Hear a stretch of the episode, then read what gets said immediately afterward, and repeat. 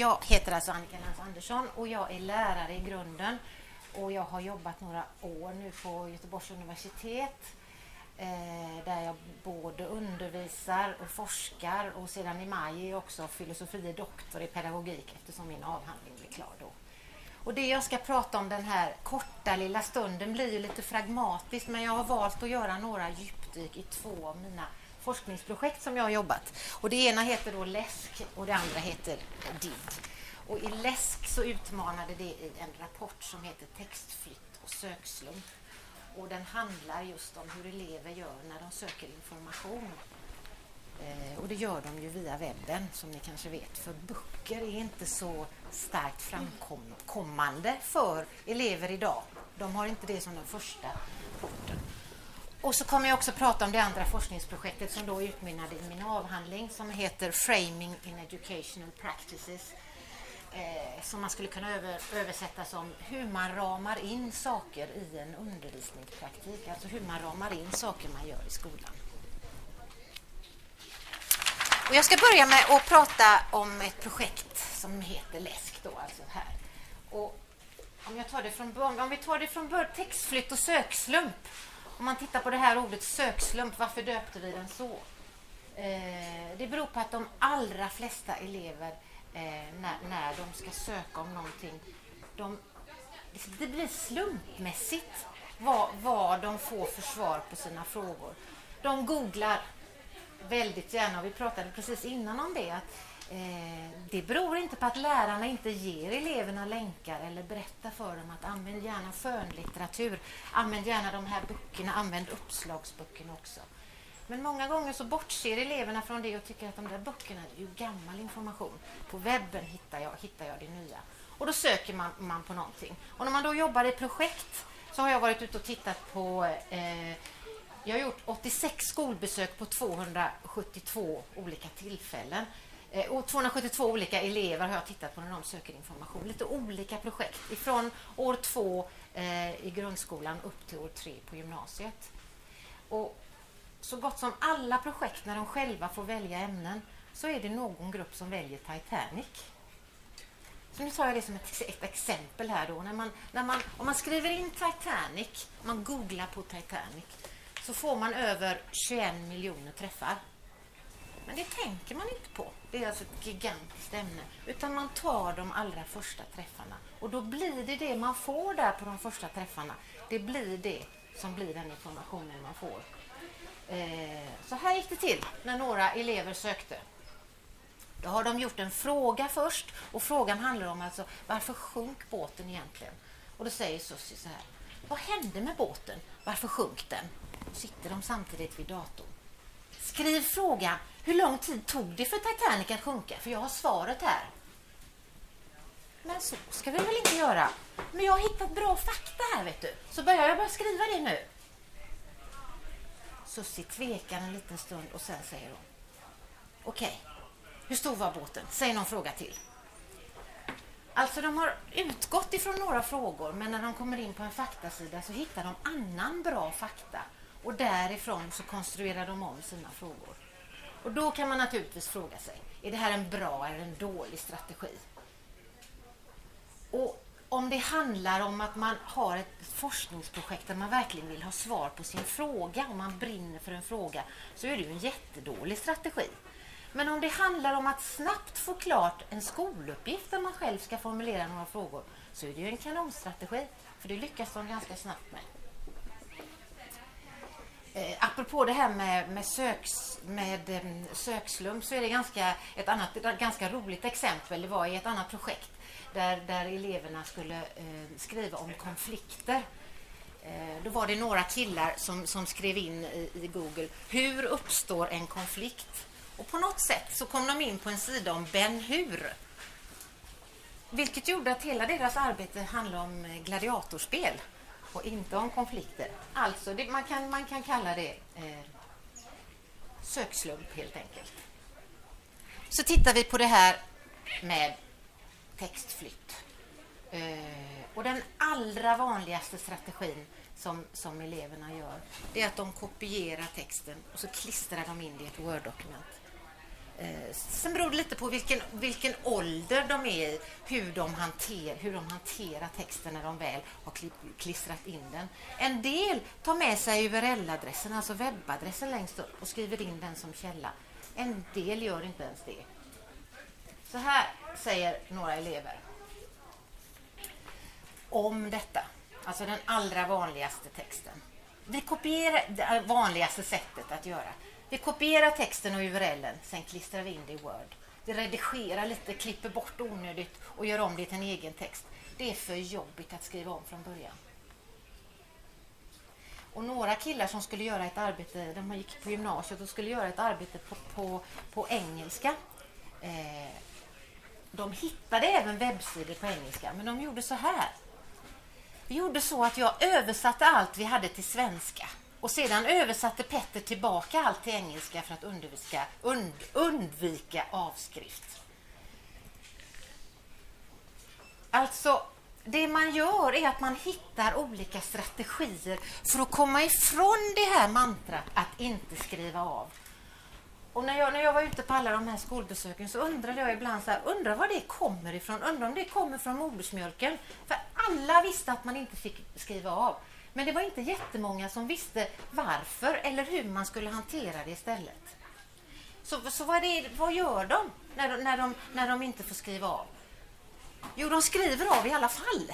Men man ändrar, så man tar bort gärna småord beroende på ålder givetvis. Men väldigt unga barn skriver gärna om texten så att den hamnar i presens, alltså i nutid. Man gör om hela, hela texten på de orden man kan så tar man bort småord som och och men och så och därför. För det är ord som man ändå tycker att man kan. Men de här krångliga orden, de kan man ju inte byta ut för de förstår man ju inte. Eh, så att texterna blir ganska absurda många gånger. Och då kan man ju fråga sig. Hur gör vi själva när vi börjar skriva någonting? Hur gjorde jag när jag skulle planera den här föreläsningen för er? Nu var det ju mycket av mitt eget forskningsmaterial jag kunde klippa och klistra av. Men inte satte jag mig ner framför datorn så här, tänka, tänka, hur ska jag göra nu? Utan jag klippte och klistrade från olika ställen, hittade lite nya forskningsresultat, tog med mig dem in och gjorde det till en helhet. Jag frågade några killar som, som, eh, som går i år tre på grundskolan hur de gör när de forskar. Då sitter de i en, i en grupp och, och så frågar jag en kille som heter Salomon.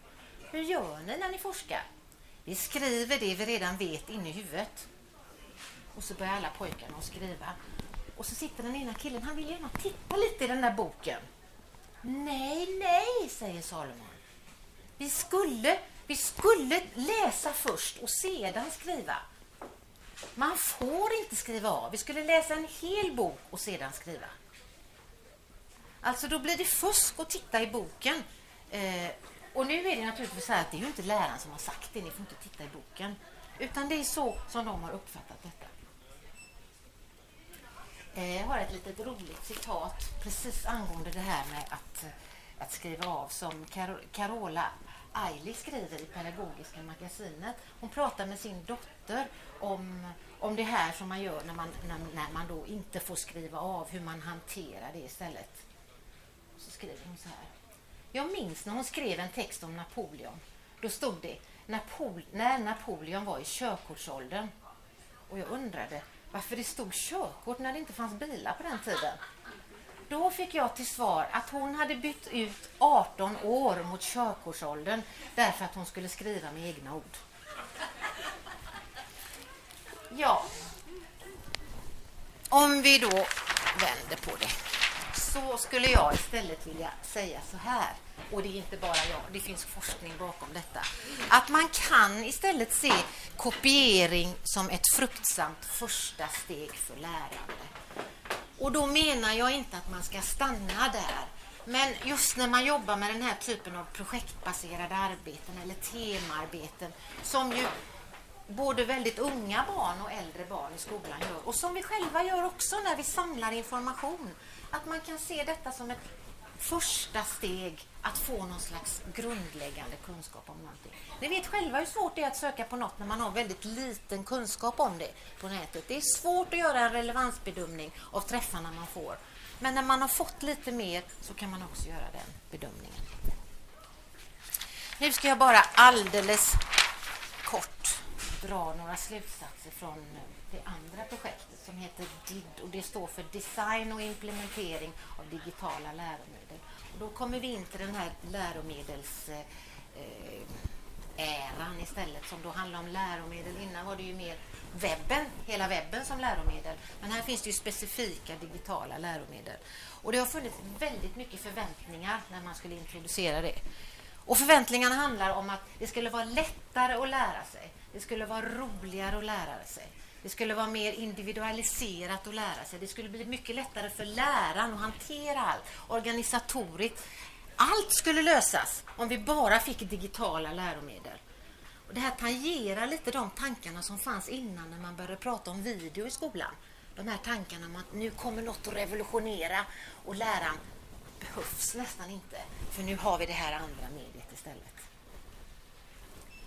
Men tittar man då på när eleverna jobbar med digitala läromedel i skolan så ser man att det händer det, fin det finns vissa saker som blir enklare men det finns andra saker som blir svårare.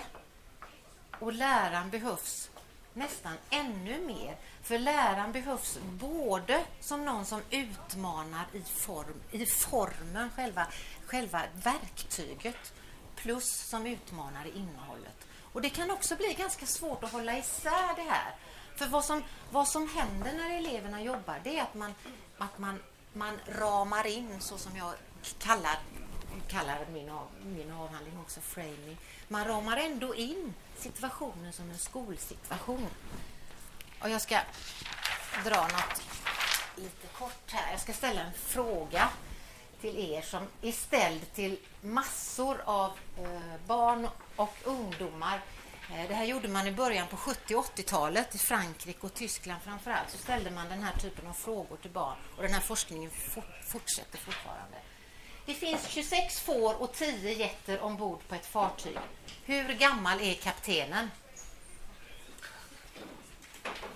Och det roligaste är att nästan alla svarade. Nästan alla svarade och gjorde något med talen. Precis, 36 var det allra vanligaste svaret. Varför gör de det då? Är de korkade, eleverna? Är de helt väck? Det kan man väl inte säga hur gammal kaptenen är för att det finns 26 år och 10 jätter. Varför gör de det? Ja, kanske. Ja, precis. Varför gör de det? Hade de gjort det om ni hade frågat dem ute på gatan här? Därför att de ramar in det som en skolsituation.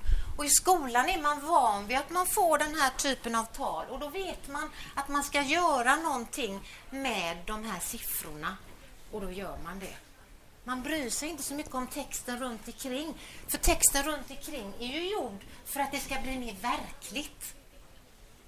Och min poäng är att skolan är redan verklig. Den, behöver, den, den har sin roll som den är. Det är viktigt det vi gör i skolan. Det behöver inte ha någon motsvarighet på någonting som direkt kan appliceras utanför. I alla fall så visade det sig att när de gjorde den här, den här typen av frågor till barn så visade det sig att, att ju längre upp man kom i skolåldern så blev det en brytpunkt någonstans i femman när man hade den här typen av enkla uppgifter. Så var det fler och fler som var villiga att svara på det. Så att, så att sexåringar som inte hade börjat skolan, där var det bara ungefär 20 procent som ville svara. Medan det var nästan 50 procent uppe i fyran som direkt svarade på den utan att fundera på det. Och den här typen av problem sa man då, sa, sades det då att man skulle lösa med digitala läromedel.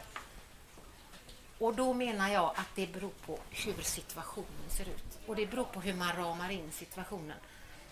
En annan, ett annat sätt att förklara det är ju att den situationen som vi har här är ju ganska självklar för oss som, som är med här. Ni som sitter här och lyssnar på mig tycker att detta är ganska, ja men det är ju någon slags föreläsning och så. Men sådana som precis kommer in för, innanför dörren där, de undrar vad det är för konstig prick som står där inne och pratar så högt. Och vem pratar hon med? Därför att då, då ramar man inte in situationen som så. Och det är det jag menar att, att det gör man i skolan.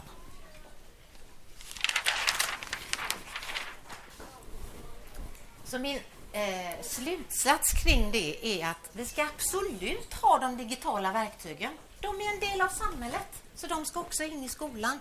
Men vi kan inte tro att de löser massa urgamla pedagogiska problem. De ger nya möjligheter. Det finns nya möjligheter. Det är lätt att få information. Men det skapar ett annat problem. Vilken typ av information får vi?